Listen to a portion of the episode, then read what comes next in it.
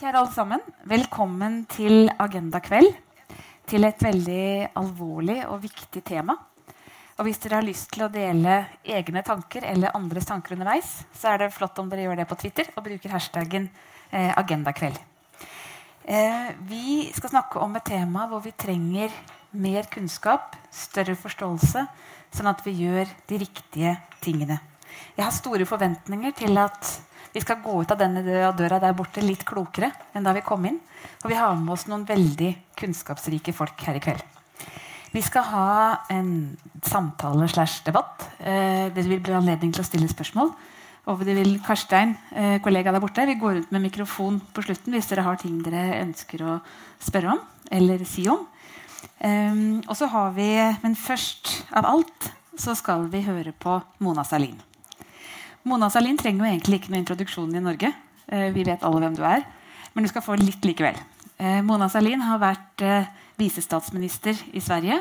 Hun har, var den første kvinnelige partisekretæren i det sosialdemokratiske partiet. Hun har vært leder, og hun har hatt en rekke ministerposter i Sverige. Det var ikke noen overraskelse at det var hun som fikk eh, Nå skal jeg lese stillingen din. Den er ikke så lett. skal jeg se. Jobben som nasjonell samordnare for å verne demokratin mot voldsbejakende ekstremisme. Var det bra svensk? uh, eh, hvert fall, En veldig viktig jobb. Vi ser fram til å høre på det. Ta godt imot Mona Salin.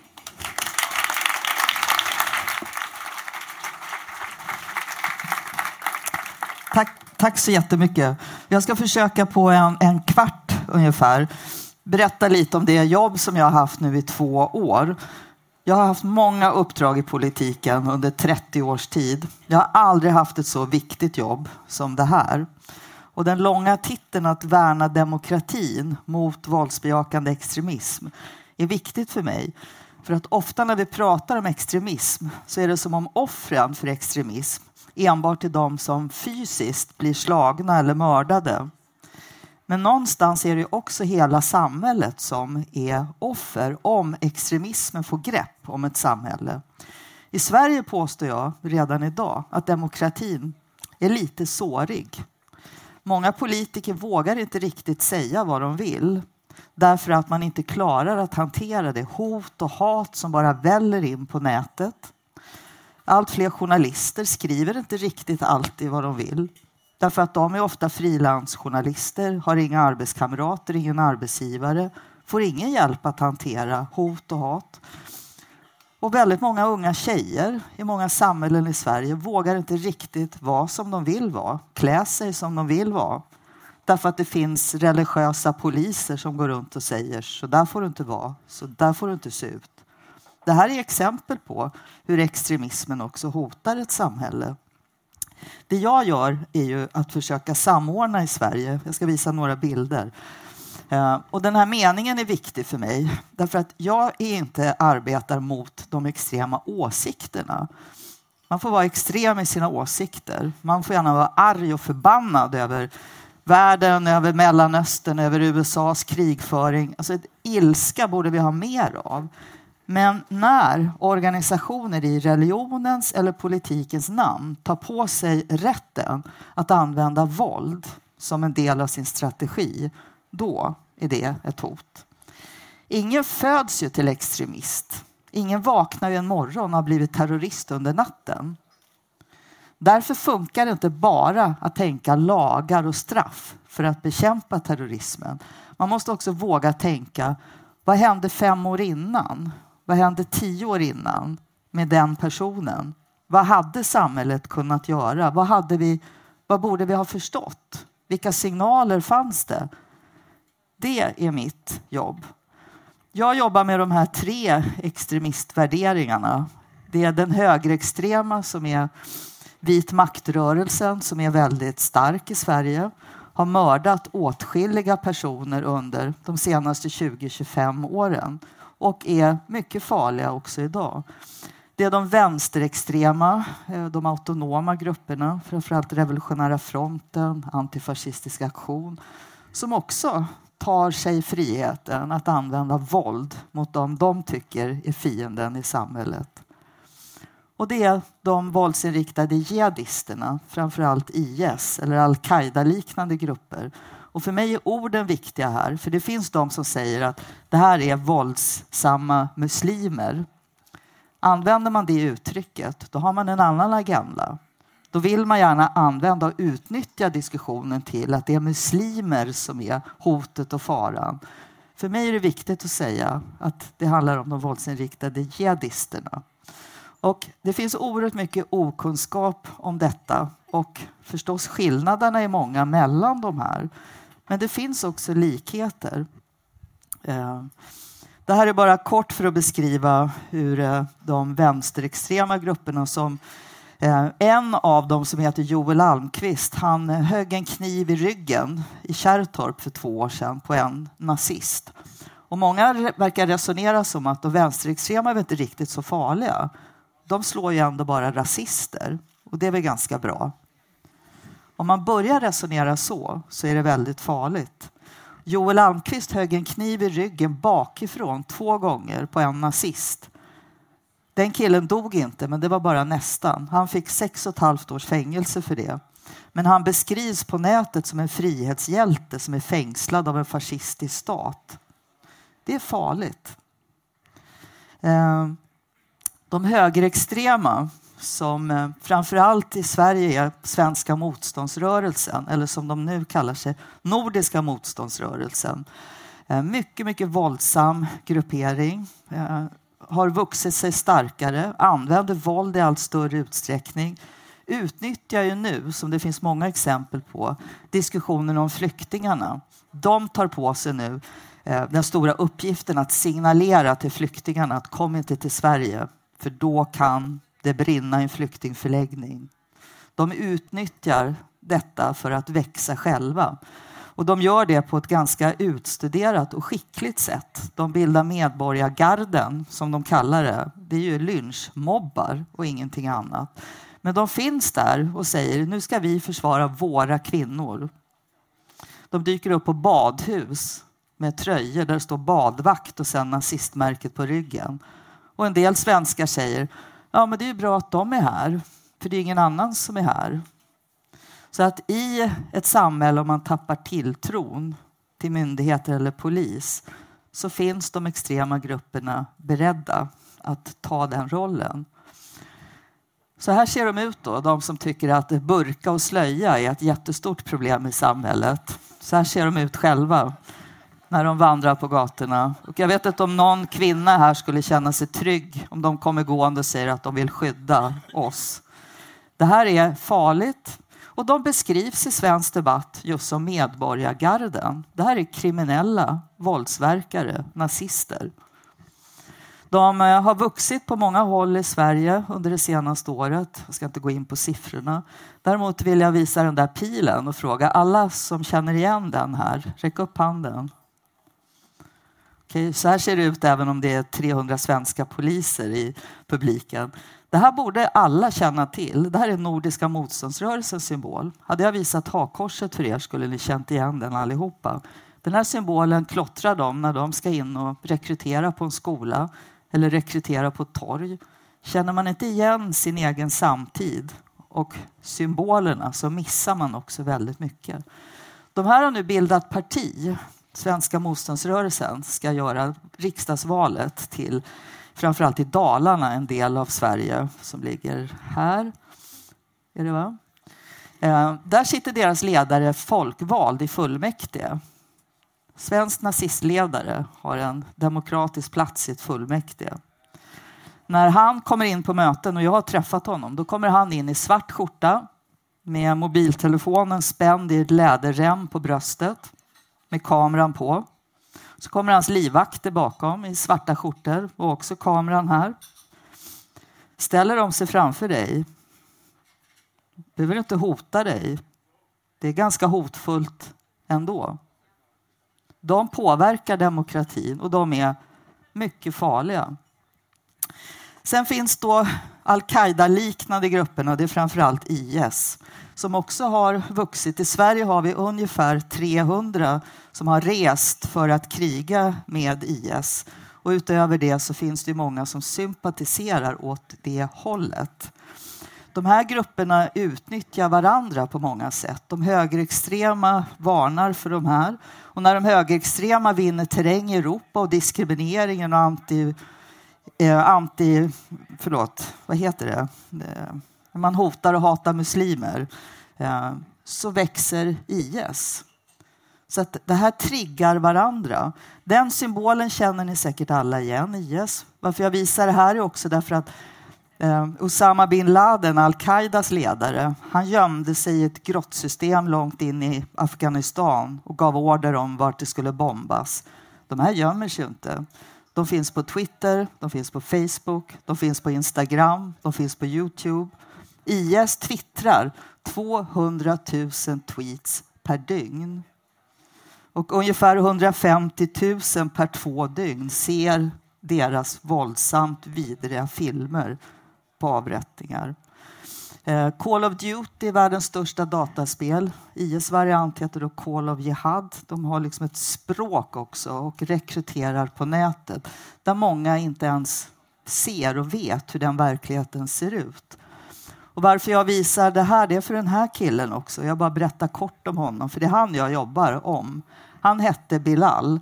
Han var 17 år, bodde utanför Stockholm. Svensk, född i Sverige, inte en religiös familj. Strulig 17-årig kille. Jobbigt i plugget, trångbott, hade inget eget rum, ingen egen säng. Så ser verkligheten ut för många. Så torget i Alby var hans verklighet. Dit letade sig rekryterarna. Föräldrarna trodde att han hade börjat skärpa sig. Han började göra läxorna, han började träna, han började intressera sig för samhället och värderingar. De var glada. En dag så sa Bilal hej, tog sin träningsväska, gick och de såg aldrig honom igen förrän en okänd man ringer några veckor senare. Allt det här tog några månader. En okänd man ringer och säger grattis, er son har åkt till paradiset. Så Bilal då 17 år, lång finnig ifrån Stockholm, dör i sin första strid för IS i Syrien. Om han hade återvänt så hoppas jag han hade blivit straffad för de dåd han hade begått. Men den frågan jag måste ställa mig också, varför hittar alltid rekryterarna sådana som han? Varför fanns inte någon vuxen som fanns runt honom och såg vad som hände? Runt Bilal fanns Föräldrar, grannar, lärare, poliser, socialarbetare, fritidsledare, fotbollsledare. Han var jätteduktig i fotboll i Tullinge. Ingen såg vad som hände. Och om någon hade sett det, vem skulle de ha hört av sig till? Vem skulle de ha berättat det för? Vem skulle ha tagit det på allvar? Vem skulle ha kunnat hjälpa till?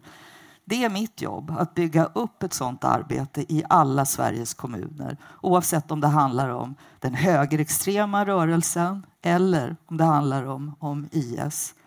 Om 300 har rest från Sverige under en period på tre år så är det här en av Facebookgrupperna. Det finns många, många sådana som heter Oma Nyheter. Bara den har 471 likes. En av många, många Facebookgrupper. Så att problemen är inte bara de som reser utan det är också när den extrema värderingarna får fäste. Och det får den av många olika skäl. Men språket på nätet vill jag uppehålla mig vid bara en pytteliten stund till. Ni kan alla uttrycket YOLO, eller hur? You only live once. Så här ser IS eh, senaste rekryteringsaffisch ut. Apropå språket och skickligheten. YODO, you only die once. So why not do it with us? Man måste förstå sin samtid. Eh, jag har visat eh, den här mer för att hur många som har rest ifrån de olika länderna. Man får ju ta alla siffror med en nypa salt för säkerhetstjänster är inte så öppna alltid. Saudiarabien säger 1500 till 2500. Men jag visar den här för Finland bara som sista exempel. För ett år sedan när de berättade att de hade 70 som hade rest. Jag var på den konferensen i Helsingfors. Och då tittade alla på mig och så sa de, men Finland, hur kan vi ha 70 som har åkt från Finland? Vi har ju inte tagit emot några invandrare till Finland. Så hur kan vi ha 70 som har åkt? Och så tittade de på mig och sa, ja du har ju så många månader, ni har ju 300. Det är ju inte så konstigt, för ni har ju tagit emot så mycket invandrare. Ja, sa jag, det har vi gjort. De flesta är ju finnar som vi har tagit emot för övrigt. Men, eh, Men det intressanta är att alla här, alla länder resonerar ungefär så. Ondskan kommer utifrån. De flesta som har sprängt sig till döds i Belgien var belgare. De flesta i Frankrike var fransmän.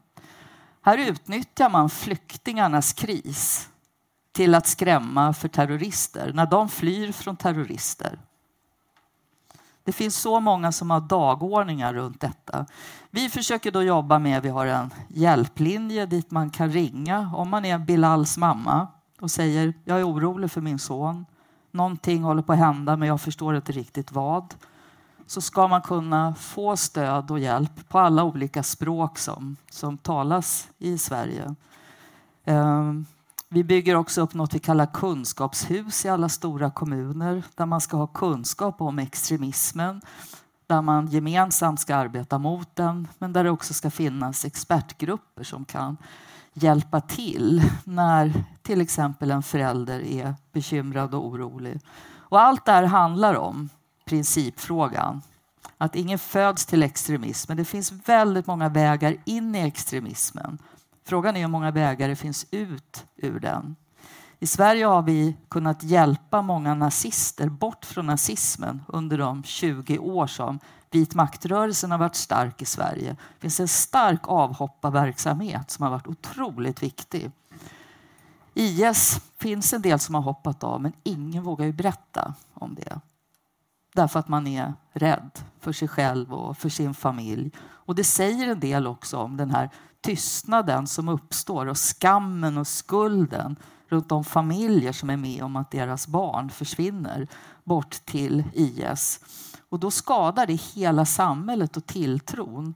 Så om extremismen växer i samhällen där tilltron till politiken minskar, för det är precis det vi ser i Europa idag, och ett EU som är så fruktansvärt urusla på att ens, ja de försöker ju inte ens hitta en roll för EU i denna kris som Europa är i, då riskerar extremismen att växa. Så det allra sista jag ska säga det är apropå likheterna mellan de här ideologierna. I Paris, när IS mördade över 130 människor, när de tog på sig det dådet så skrev de också en ganska lång text om varför de gav sig på just Paris och just det området i Paris. Och då skrev IS ungefär så här att de gav sig på skuggzonen och skuggzonen det är områden där till exempel här, män och kvinnor sitter bredvid varann, dricker till och med ett glas vin. Där kristna och muslimer lever ihop. Där sunnimuslimer och shia-muslimer umgås. Eftersom IS hela ideologi handlar om att sära på de som de kallar trogna och otrogna. Ta den texten och gör om den lite och sätt den i handen på en svensk nazist. Nu är det farligt i Europa för nu blandar vi oss. Svarta gifter sig med vita och folkslagen blandas ut. Nu måste vi kämpa för att hålla isär. Det är exakt samma ideologi och tänkande som är bakom. Och då måste försvaret från demokratins sida också vara ett helt annat än att bara resonera om lagstiftningen. För man måste också se bristen på tillit och den miljö som extremismen kan växa i. Det är det vi ser i Sverige idag. Och det är därför jag säger att jag har haft många jobb men inget så viktigt och svårt som, som det här. Tack.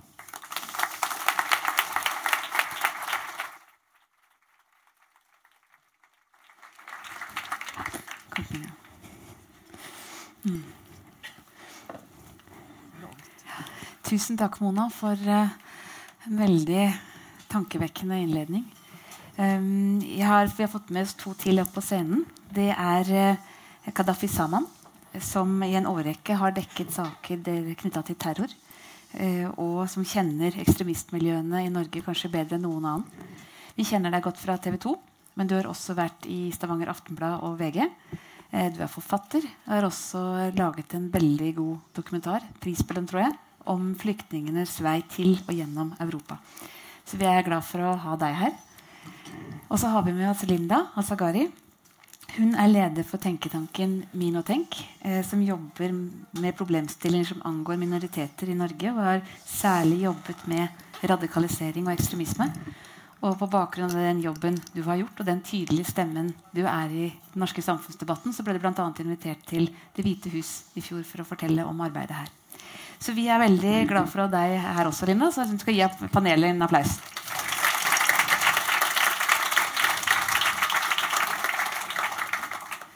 Mona Salin, du tegner et ganske skremmende bilde av situasjonen i Sverige. Eh, jeg vil spørre deg, Linda. Eh, Syns du det ligner på Norge? Har vi noen lignende utviklingstrekk her? Eh, I første omgang så tenker jeg at vi er veldig heldige her. Fordi at eh, vi har eh, ikke hatt et sterkt høyreekstremt miljø. Som ikke har, altså det har ikke klart å organisere seg på samme måte som i Sverige. Eh, svenske høyreekstreme er jo flaue over sine norske meningsfeller. Fordi eh, det, er, ja, det går mye i fyll og Eh, ja, det er ikke, så, det er ikke sånn kjempepotensial, men uh, vi har jo sett at uh, eh, Pegida har prøvd å lage en avart her. Vi har disse her Soldiers of Odin, som også prøver å ha borgervernsgrupper rundt omkring i Norge. Og det dukker jo stadig opp nye lokallag. og vi har, vi har en, en fremmedkrigerproblematikk her med et sted mellom 90 og et tall helt opp mot 150 fremmedkrigere fra Norge. Eh, og heldigvis så har det miljøet stagnert, det sier sikkerhetspolitiet. Eh, og omlandet også, det sympatiserende omlandet har nok også blitt betraktelig mindre eh, etter hvert som eh, IS har blitt mer og mer brutal og sånn eksplisitt eh, omtrent ja, voldspornografiske i måten de vil fremstille seg selv på. Så, så synes i hvert fall jeg eh, av å, av å følge disse miljøene på nettet at eh, det skremte mange av sympatisørene vekk. Ikke nødvendigvis at de har blitt kjempemoderate og, og, demokratitilhengere, og alt det der, men eh, de kanskje går over til å, å heller støtte litt mer sånn Al Qaida, tradisjonell Al Qaida istedenfor. Det blir for drøyt. Men Kadafi, du har fulgt fremmedkrigerne veldig tett. Eh, og som Linda sier, det, har vært en, det ser ut som det har vært en stagnasjon. Kan du si litt om det? Ja, eh, jeg har nok eh, samme inntrykk. Og det sier jo PST òg. At eh, situationen situasjonen på en måte er at de ligger nede. Många mange er drept. Rundt 20 är er vel drept. Og det er ja, sant, mellom 90 og 150 som har reist. Ca. 30 er tilbake. Mange er jo sikta, tiltalt og dømt. Det er tre stykker som er dømt. Eh, to for å ha deltatt i IS, og én eh, for å ha inngått terrorforbund. Så han fikk litt mer straff. Og nå i mai, 18. mai så er det to til som skal frem for retten, som også er tiltalt for terrorforbund. Og til høst så kommer det nye saker, og flere står nok i kø. Så det i sum eh, har nok gjort altså både at man har eh, tatt, sikta og tiltalt, altså at de må stå til ansvar for det de har gjort, skremmer jo folk.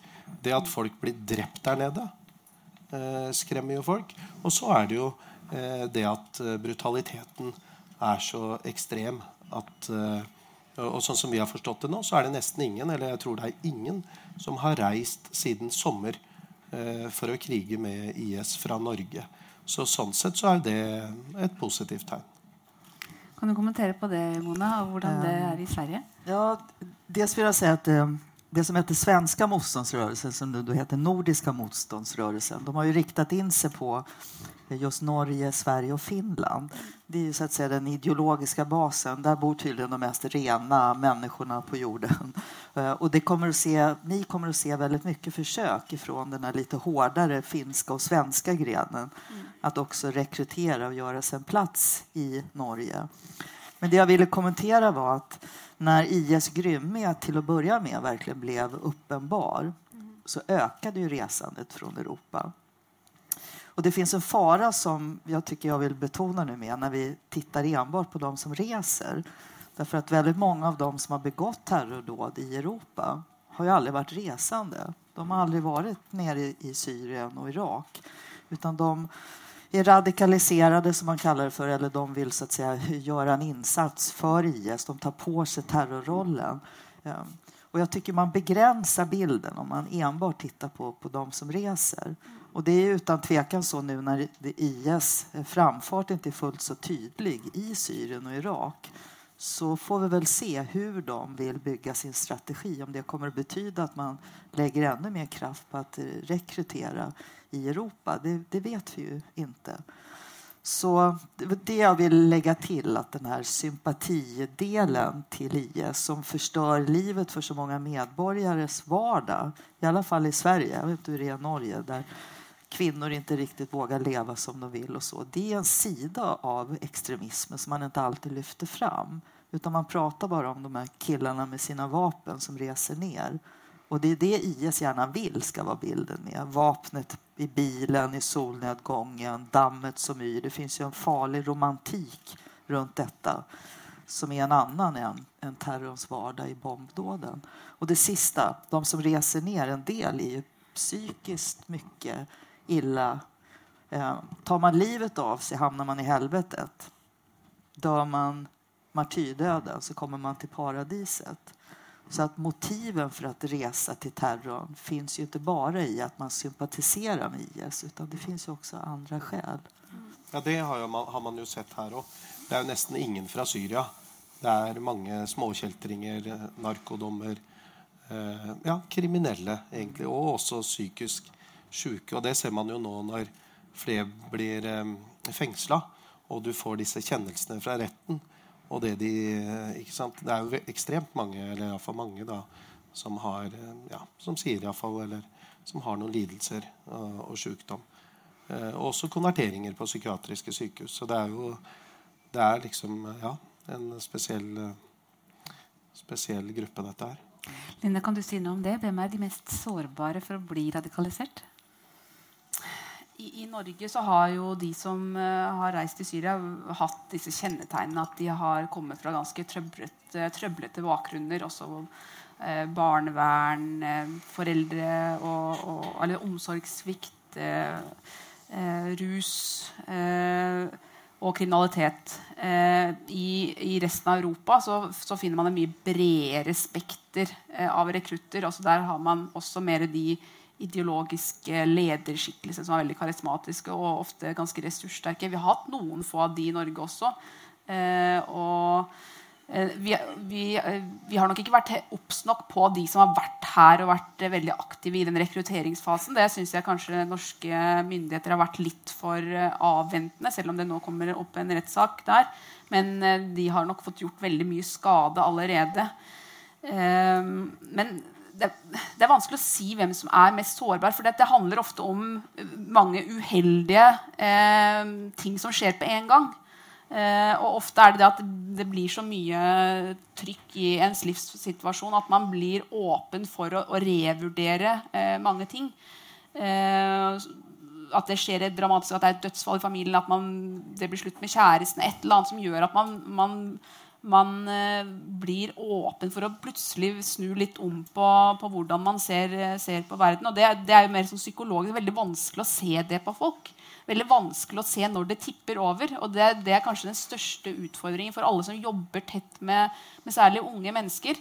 er Når skal man gripe inn fra, fra at man kanskje er fryktelig sint på, på vestlig utenrikspolitikk, som det er veldig mange, mange som er, og det er helt legitimt. men når det da begynner å tippe over at man faktisk selv blir villig, det, det er et veldig det er vanskelig. Det som forskningen nå begynner å vise ut fra de som har reist i senere tid, altså de siste fremmedkrigerne til IS, er at denne radikaliseringsprosessen går så utrolig mye raskere enn den gjorde f.eks. med Al Qaida-krigerne, som kunne bruke flere år på å få liksom, den religiøse, ideologiske eh, overbevisningen til at de ble overbevist til å gjennomføre voldsomme voldsaksjoner.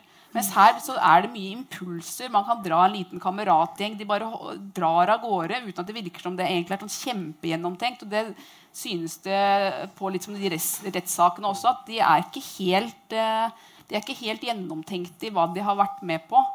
Og det er den type ungdom også IS er veldig spesifikt på utkikk etter. Altså De skreddersyr sin rekruttering og sin propaganda på denne type ungdommer, som er veldig søkende, som er veldig desperate etter et sterkt Eh, samhold og fellesskap, eh, som ofte har blitt isolert eller blitt stigmatisert eh, både i sine egne minoritetsmiljøer. For det at for å komme fra en norsk-pakistansk familie eller en arabisk familie, norsk-arabisk familie og ha narkodommer eh, ikke har klart seg bra på ut, eh, utdanningsfronten som veldig veldig mange andre gjør. Eh, det er et kjempepress på å lykkes.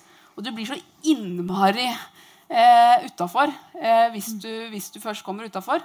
Eh, og så er det faktisk å bli from religiøs det er en måte å klatre opp igjen og få tilbake en slags sånn sosial anerkjennelse. Da, du, da, spiller det ingen rolle om du har bra familiebakgrunn eller om du har en kriminell fortid. Altså, da kan du plutselig klatre opp og få en sånn status i begynnelsen. For når Irfan Bhatti eh, la om til denne her veldig religiøse profilen sin, så var det mange i oss det muslimske miljøet som syntes det var veldig bra. at nå har han snudd så om, han liksom virkelig kommet inn på den smale sti. Det viste seg jo at det ikke var så, var så oppriktig allikevel. Men, men, det viser litt om det er, det, er, veldig ja, det er komplekse dynamikker bak. Mona Sagadafi? Eh, jag håller med allt det du sa, men jag kan lägga till bara att det finns ju några saker vi ändå vet om radikaliseringsrisker. Det ena är män. Och det ja. finns ju en könsaspekt i detta som man också måste hantera. Och det andra är ju att eh, det, i Sverige i alla fall har forskning kunnat visa att det är väldigt ofta gäng eller familjer. Om, om en broder åker så är risken stor att nästa broder åker. Som ni har sett i Isis-dåden så har det påfallande ofta handlat just om, om bröder. Men det kan också vara gäng. Mm. Eller kärster. Eh, ja. Men apropå hur man kan liksom förebygga. Ser man ett gäng som man känner igen från förorten och vet att en har åkt ner och dött. Då gäller det verkligen för samhället att, att se och förstå vad händer hos de andra. Mm. Och Sen är det också när du beskriver vilka IS rekryterar så rekryterar de ju på ett sätt i Norden, i våra länder, där det är utanförskapet. I Frankrike till exempel, där är 80 procent av de som har rest i medelklass. Där är det en helt annan diskussion. Mm. Kanske för Frankrikes koloniala historia så finns det också en, ett annat sätt att argumentera. Och radikalisering sker ju också väldigt mycket på nätet. Vi hade i Sverige förra året en ung kille som hette Anton Lundin Pettersson. Eh, han hade jobb, väletablerad, bodde lägenhet, aldrig misskött sig en enda dag. Och, eh, han utrustade sig med två stora svärd, köpte en mask, skrev ett självmordsbrev om hur han skulle rensa Sverige från svarta och åkte till en skola i Trollhättan. Jag följde säkert det och försökte döda så många han kunde. Um, det var ju en terroristhandling och det var en rekrytering som skedde själv på nätet. Um, så vi måste omdefiniera hur vi ser på rekryteringen. Och bara tanke på om Anton Lundin Pettersson hade hetat någonting annat, hur det hade beskrivits får mig också att fundera över hur mycket islamofobin spelar roll i hur vi ser på olika former av terrorism. Ja, nej, det, det, är ju detta i förlängelsen av det, detta med at det er en uh, geografisk spredning, en etnisk og også kjønnsfordeling. I Norge av de 90 som har reist, er vel ca. 9-10 uh, er jenter som har reist, og som fortsatt er der. Og ingen er vel drept uh, så langt. De får jo ikke stride heller. Nei, men de uh, har iallfall født barn og ja, er gift med jihadister og har foreløpig ikke enten kommet seg hjem eller ikke ville hjem. det andre er jo dette med at man snakker jo ofte om parallellsamfunn og og området med si Vi har ikke noe gettoer i Norge sammenligna med andre europeiske byer, men det er jo ingenting som tilsier at f.eks. områder med eh, stor andel muslimer har flere eh, IS-krigere.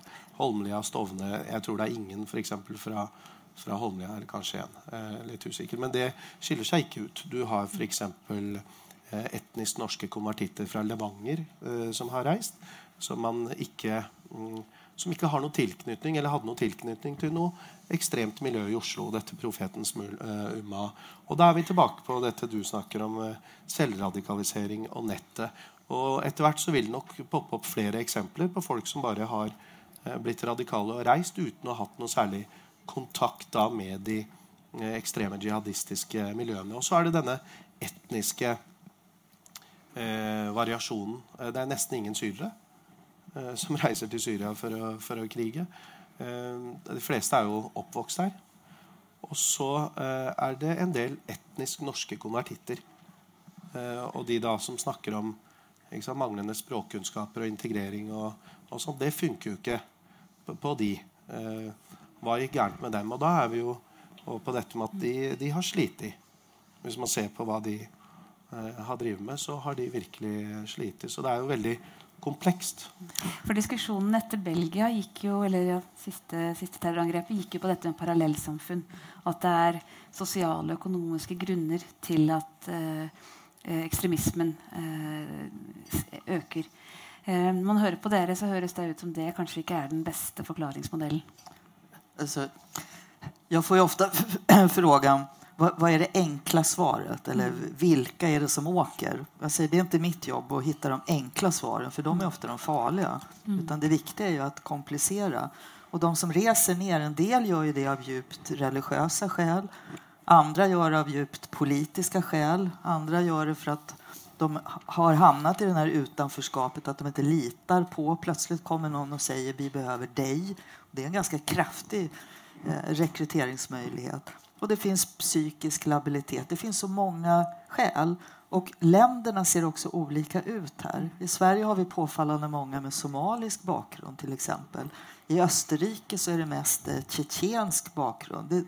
och väldigt många i Sverige har inte en aning om att det är sunni-muslimer, IS, och att shia-muslimer ofta är offren. Utan vi tar inte ens reda på det, utan pratar om muslimer.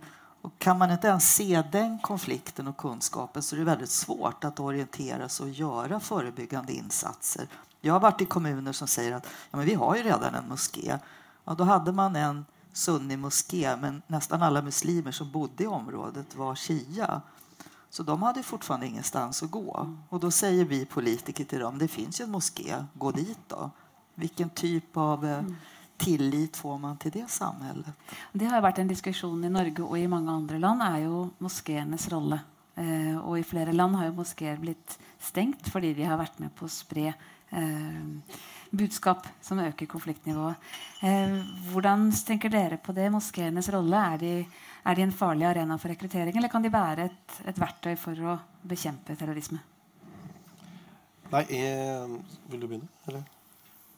Det er, det er, I Norge så har vi ikke hatt noe rekruttering i moskeene som sådan. Vi har hatt et problem med at en del av disse som rekrutterer, prøver å bruke moskeene som en arena.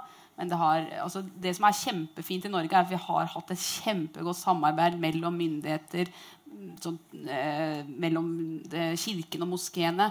At det samarbeidet har vært etablert før det blir sånne krisesituasjoner som eh, fremmedkrigere eller, eller, lignende ting. Uh, og det har nok gjort at, at, det har vært mulig å, å, å, gripe fatt i det her på en måte uh, som har vært ganske fruktbar. Og politiet for i Oslo har veldig tett samarbeid med de store moskeene her. Vi skal ikke se bort ifra at det er noen moskeer som har eh, både elementer og har lederskikkelser som har ekstreme holdninger av ulikt slag. Men eh, meg bekjent er det i hvert fall ikke noe, eh, noen moskeer i Norge som eksplisitt for støtter IS. Eh, men at det finnes som støtter diverse mer eller mindre ytterliggående grupper rundt omkring i verden, det, det, er det nok. Men det er ikke det sikkerhetsproblemet eh, som, som IS-farerne utgjør. da. Mm, ja, det er nok mitt inntrykk òg. Det, det er ikke det som er arenaen til disse folka. Moskeene vil helst ikke ha dem. fordi de er avhengig av statsstøtte, og da eh, kan det bli et eh, problem. Så de har jo stått på gata eller i lukka rom eller i det digitale rom eh, Eh, hvor mye av denne kommunikasjonen skjer. Og det har vi nå sett i de rettssakene som har vært, for da får man jo innsikt. Hvordan kommuniserer det? Det er Skype og det er eh, Facebook, og de tror sant, De er veldig bevisste på telefon og avlytting og alt dette her, eh, og sliter med å finne møteplasser. Det andre som har vært positivt i Norge da, jeg vil si at vi har det, eh, eller Man har det egentlig bedre enn mange andre land. Jeg har akkurat kommet hjem fra Brussel, hvor vi dekka terrorangrep der. Og de ligger jo langt bak eh, Norge på mange mange eh, felt når det gjelder samarbeid med lokalt politi, moskeer, PST og hele dette. Alle må jo snakke sammen. Eh, der har de ikke snakka sammen så godt.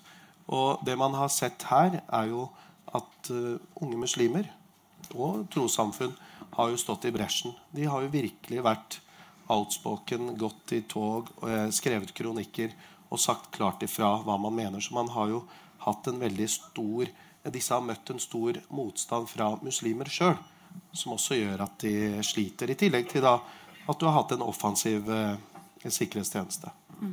For her, her, vi hadde jo den episoden hvor muslimske ungdommer slår ring rundt, moské, nei, rundt uh, synagogen som en uh, uttrykk for solidaritet. Har dere hatt lignende markeringer i Sverige? Ja, ja. Mm. Och, och, de är väldigt viktiga. Den lilla grupp eh, som reser för, av religiösa skäl de lyssnar ju kanske inte på en kvinna i boots eh, om jag säger att så där står det inte i Koranen. Jag har liksom noll trovärdighet. De måste ju få höra ifrån sina religiösa bröder och systrar. Och det har varit lite tyst genom åren. Det har funnits en rädsla, en obekvämhet från en del av det muslimska samfundet. Men det har försvunnit mer och mer. Och eh, det är väl viktigt att säga ändå att eh, vi ställer ju väldigt höga krav på muslimer just för att de är muslimer. Att man måste ta avstånd till IS på ett sätt som ibland blir ganska diskriminerande. Jag har en dotter som bor i USA. Där är ju tyvärr skjutningarna av eh, högerextrema kristna till exempel vid abortkliniker har ju vuxit väldigt. Det är få gånger man kräver av kyrkor att de då ska gå ut och ta avstånd. Så vi måste bestämma oss för om vi själva ser religionen som ett problem eller om det är avsaknaden av religion. Jag mötte en muslim för inte så länge sedan som sa Mona, varför tror ni i Sverige att muslimer inte tål sol? frågade han. Och sa, Va? Vadå inte tål sol? Ja, men alla moskéer som jag har varit i, sa han, ligger i källare. Man måste liksom klättra ner under marken. Det är mycket lättare att missa att göra detta till en del av, av det offentliga samtalet om man inte heller också underlättar för människor att vara troende muslimer. Så vi behöver fler moskéer och inte färre. Mm. Men inte i kyrkor, utan där solen finns. Eller inte i källare. Men eh, nu har dere har jo nå laget dette, eller du har jobbat med detta i två år. Mm. Um, hvorfor var det nödvändigt att lage et sånn type utvalg, og er det något vi borde lära något här?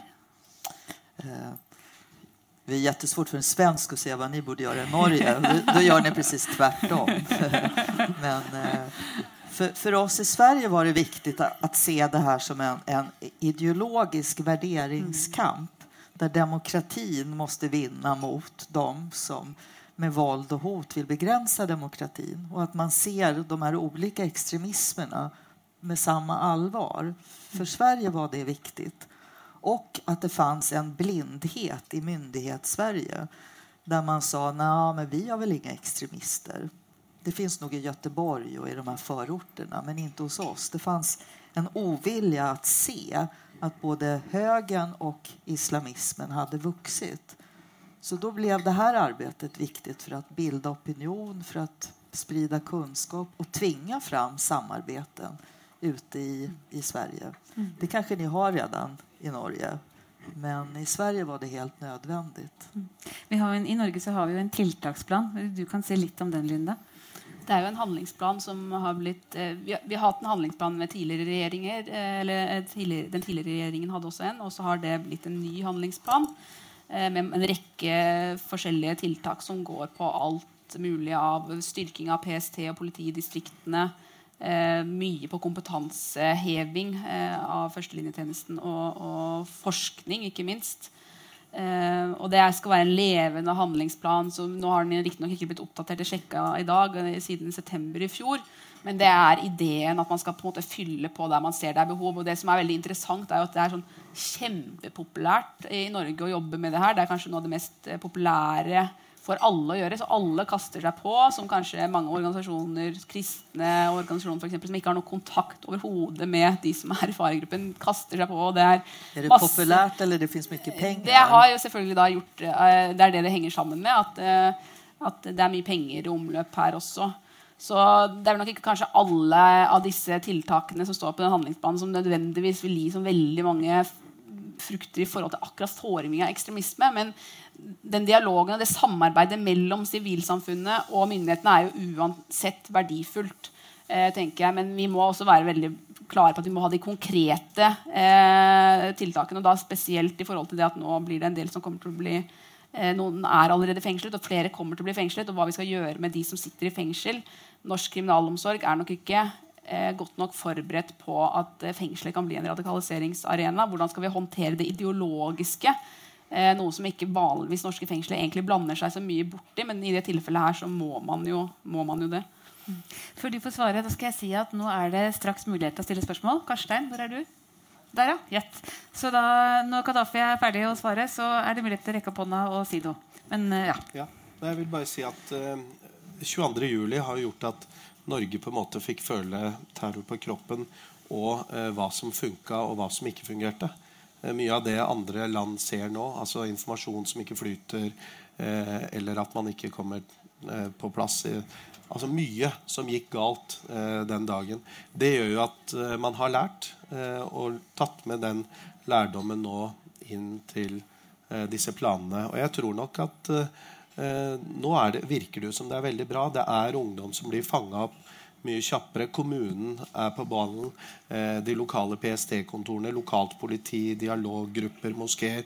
Man har en helt annen eh, beredskap. Og det er eksempelet med, du, med den somaliske gutten. ikke sant? Nå ser folk etter de faresignalene fordi man veit hva de er. Det visste man jo ikke før. Vi har også hatt mange eksempler. Eh, barn som har reist herfra og sendt en e-post til mor og far. Vi drar. Det kom som helt uten noen eh, signaler. Så jeg tror Norge nå, når man har sett ingen har reist, eller veldig få, jeg tror nesten ingen, siden sommeren, jo, viser jo at uh, man er på riktig vei. Da er det Sara. Um, vi snakker mye om uh, identitet og sosiale forskjeller osv. Uh, som årsaker til uh, radikalisering. Men uh, Mona var litt inne på det i stad. Men jeg vil gjerne høre litt mer om hva dere tenker at maskulin maskulinitet har å si for radikaliseringsprosessen. Kan vi, kan vi samle opp to-tre spørsmål hvis det er noen flere der ute? En bak der. Takk for et flott uh, tiltak uh, og for gode innledninger her. Jag jeg er eh, pensjonert biskop, for å si det sånn. da. Så jeg var veldig interessert i det du sa, Linda, om betydningen av dialog i den norske konteksten mellom eh, moskeer og kirker. Eh, det var i 2007 eh, f.eks. en felleserklæring om eh, frihet til konvertering. Som jeg tror internasjonalt er en relativt eh, sjelden affære. At den har kommet så langt i en type samarbeid. Jeg kunne tenke meg å spørre Salin da, fra svensk kontekst om denne religionsdialogen på en måte er noe som er inne i det blikkfeltet dere har, og hvordan det eventuelt arter seg i praksis. Så jeg er samtidig med i en organisasjon, nyetablert organisasjon som kaller seg for Just Unity. Og Den er bygd opp rundt to muslimer som ønsker å motarbeide ekstremisme. Eh, og det har jeg tenkt er et, et veldig interessant eh, fenomen. Eh, men eh, der vil jeg nok si at tilbakemeldingen i forhold til moskeene er sterkere enn det dere gir inntrykk av her. Og at imamutfordringen, altså imamer som kommer til Norge som ikke har bakgrunn i en norsk kontekst, kommer med et budskap som er utfordrende også inn mot den type problemstillinger som vi snakker om nå. Så det kunne jeg tenke meg kanskje også utfordre på, at den utdypet noe. Takk. Det er en til bak der. Så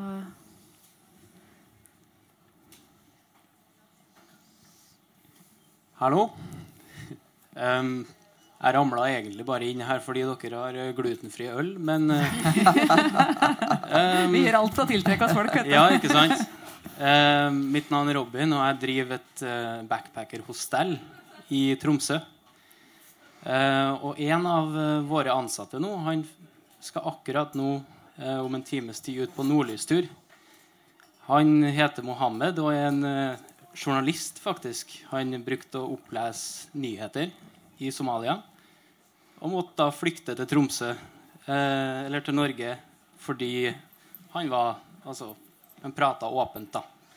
Han har jo forklart meg veldig mye om hvordan altså, muslimer har det i Tromsø. altså F.eks. ramadan. Det går jo ikke veldig bra når sola er 24-7 opp. ikke sant? Men en annen ting han faktisk fortalte, det var at muslimene, eh, altså det muslimske samfunnet, sunnimuslimske samfunnet i Tromsø de har jobba siden 1994 og samla penger for å bygge en ny moské. Og det er veldig mange i Tromsø, eh, muslimer som jobber, men pga. at det ikke er lov til å ta opp lån, f.eks., eh, med rente i, eh, Jeg lurer på om det er bare sunni-islam som har den her. Så er det veldig mange som på en måte virker som de faller litt bak. da. Så spørsmålet mitt er jo liksom den der økonomiske problemene. altså Kan noe av det ha litt med det liksom religiøse, ideologiske Altså at rett og slett man setter litt kjepper i hjulene for seg sjøl. Ja. Takk skal du ha. Eh, hvem som vil begynne? kan bara, den frågeställningen om maskulinitet eller eh, män och krig, män och våld, män och romantiken runt våld spelar en, en stor roll. Eh, det, det, kunde vi ha ett möte om, om bara det. Och jag är själv väldigt provocerad av att man ofta pratar om att ungdomar gör si och så. Man måste våga se skillnaden på män och kvinnor. Ehm, eh, Bilal till exempel, då säger många ja men om man bor så här trångbott i förorter då får man problem. Men Bilals systrar, de går på universitetet. De är uppvuxna i samma trånga lägenheter. Så någonting finns ju både i uppfostran och synen på vad, vad män ska åstadkomma och vad som händer i väldigt segregerade samhällen där man inte känner att man har makten och kontrollen. Men också där romantiken runt våld är någonting som IS ju använder och nazismen bygger väldigt mycket av sin rekrytering runt. Så jag skulle önska att vi uttryckte oss annorlunda men också lärde oss mer om hur, hur kön spelar roll i, i extremismen. Eh, religionsdialogen väldigt viktig också i Sverige för att göra en lång historia kort. Spelar stor, stor roll. Och inte minst mellan de muslimska, judiska och kristna församlingarna så finns det ett väldigt viktigt och, och väldigt starkt samarbete. Men många unga gillar ju inte auktoriteter så det spelar liksom ingen roll om det står en imam och säger någonting. Så att det, det krävs ju mycket mer för att nå fram mot radikaliseringen. Ja, nej, när det gäller maskulinitet Ja, det kan hända att de prövar att, att bli män då, Men när du ser de sånn eh, ja, för exempel alla disse i retten har ju Det, det är ganska ganske ynkelig. Eh, altså de, de, er veldig ynkelige. For det første så sant, De hater staten, de hater Norge. Eh, men de barberer skjegget for å gi et godt inntrykk for eh, dommeren. De innrømmer ikke hva de har drevet med. Eh, alle sier at de har drevet med nødhjelp men i kampuniform og kalasjnikov. Eh, ikke noe godt svar på det, og det gjør jo at de blir dømt.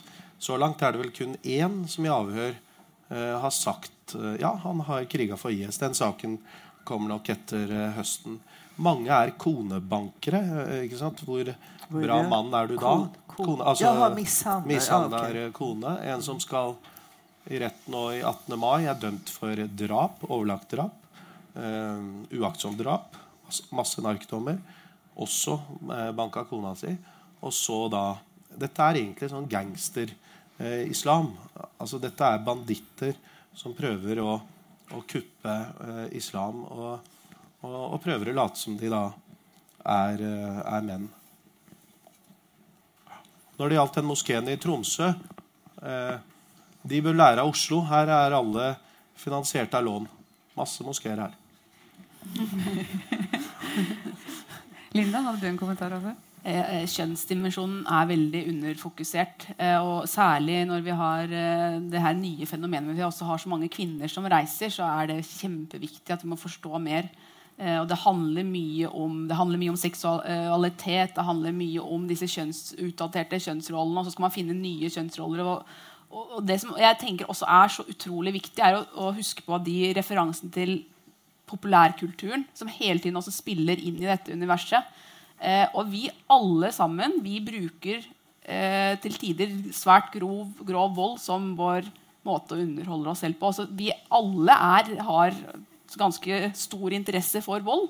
Eh, og særlig unge mennesker spiller voldelige dataspill, eh, ser voldelige filmer. Jeg elska sånne voldelige gangsterfilmer når jeg selv var ung. Jeg hørte på eh, gangsterrapp som altså hadde foreldrene mine skjønt hva de sa, så burde de jo egentlig ha, ha bedt meg om å slutte med det. Men, men det er et sånn univers. Og det er ikke det at det nødvendigvis er farlig, men det er det at det gir en sånn gjenkjennelse. Det er et mye, en mye større kulturelt landskap, og det handler veldig mye om en sånn eh, slags sånn subkultur eh, som vokser fram. Og, og de, sant, det er, eh, som Kadafi også har avslørt på en veldig god måte, hvordan de behandler kvinner hvordan de skiller seg på SMS. og det er, altså, det er jo egentlig også helt utrolig at det er såpass mange kvinner som faktisk står beredt for å gifte seg med disse. og Det er også et veldig spesielt fenomen.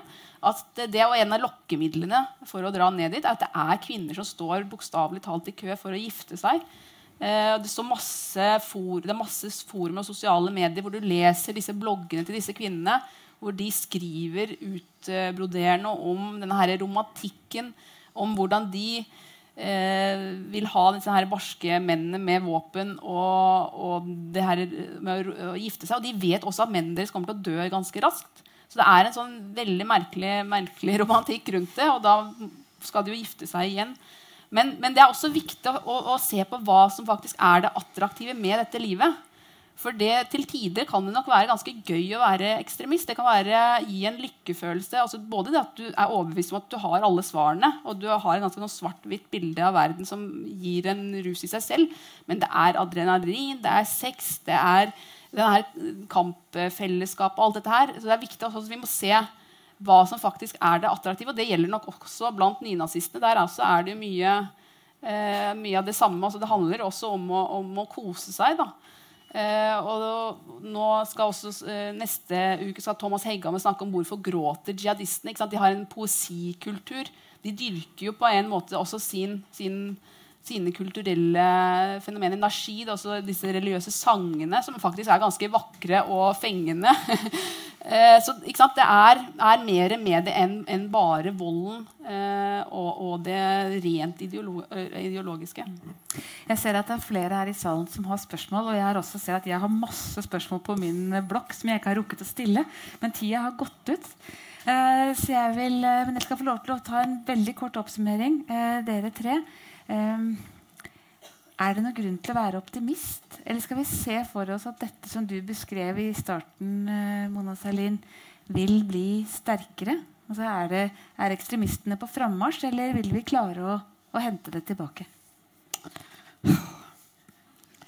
Jeg er ikke så optimistisk. Ehm, eller rättare sagt, jeg er övertygad om at demokratin kommer å vinne mot ekstremismen. Men vi har mange år med veldig, veldig svåra og viktige kamper framför oss. Eh, och inte minst i Europa där vi kan se hur de extrema högerpartierna växer. Eh, vi har en Donald Trump, vi har en Marine Le Pen, vi har Putin. Det är en ganska otäck Europa där extremerna eh, livnär sig på varann och där flyktingarna är de som får betala priset. För att i detta Europa, trots precis som Gaddafi sa, det finns nästan inga syrier som går med i IS. Ändå är argumentet i många länder i Europa varför man stänger gränserna det är att vi ska inte släppa in syrier för då kan vi få in terrorister. Trots att det är syrierna som flyr från samma terrorister som vi nu sitter och pratar om. Det gör mig ganska ont att Europa är så fruktansvärt fega, usla på att möta den här realiteten som är vår världsdels, kanske sedan andra världskrigets svåraste utmaning. Kortsiktigt är jag inte optimistisk. Det är jag inte. Men därför, det är därför jag håller på med det. Mm. Vi ska bara önska dig lycka till, Mona Salin. Tusen tack för att ni kom, alla sammen.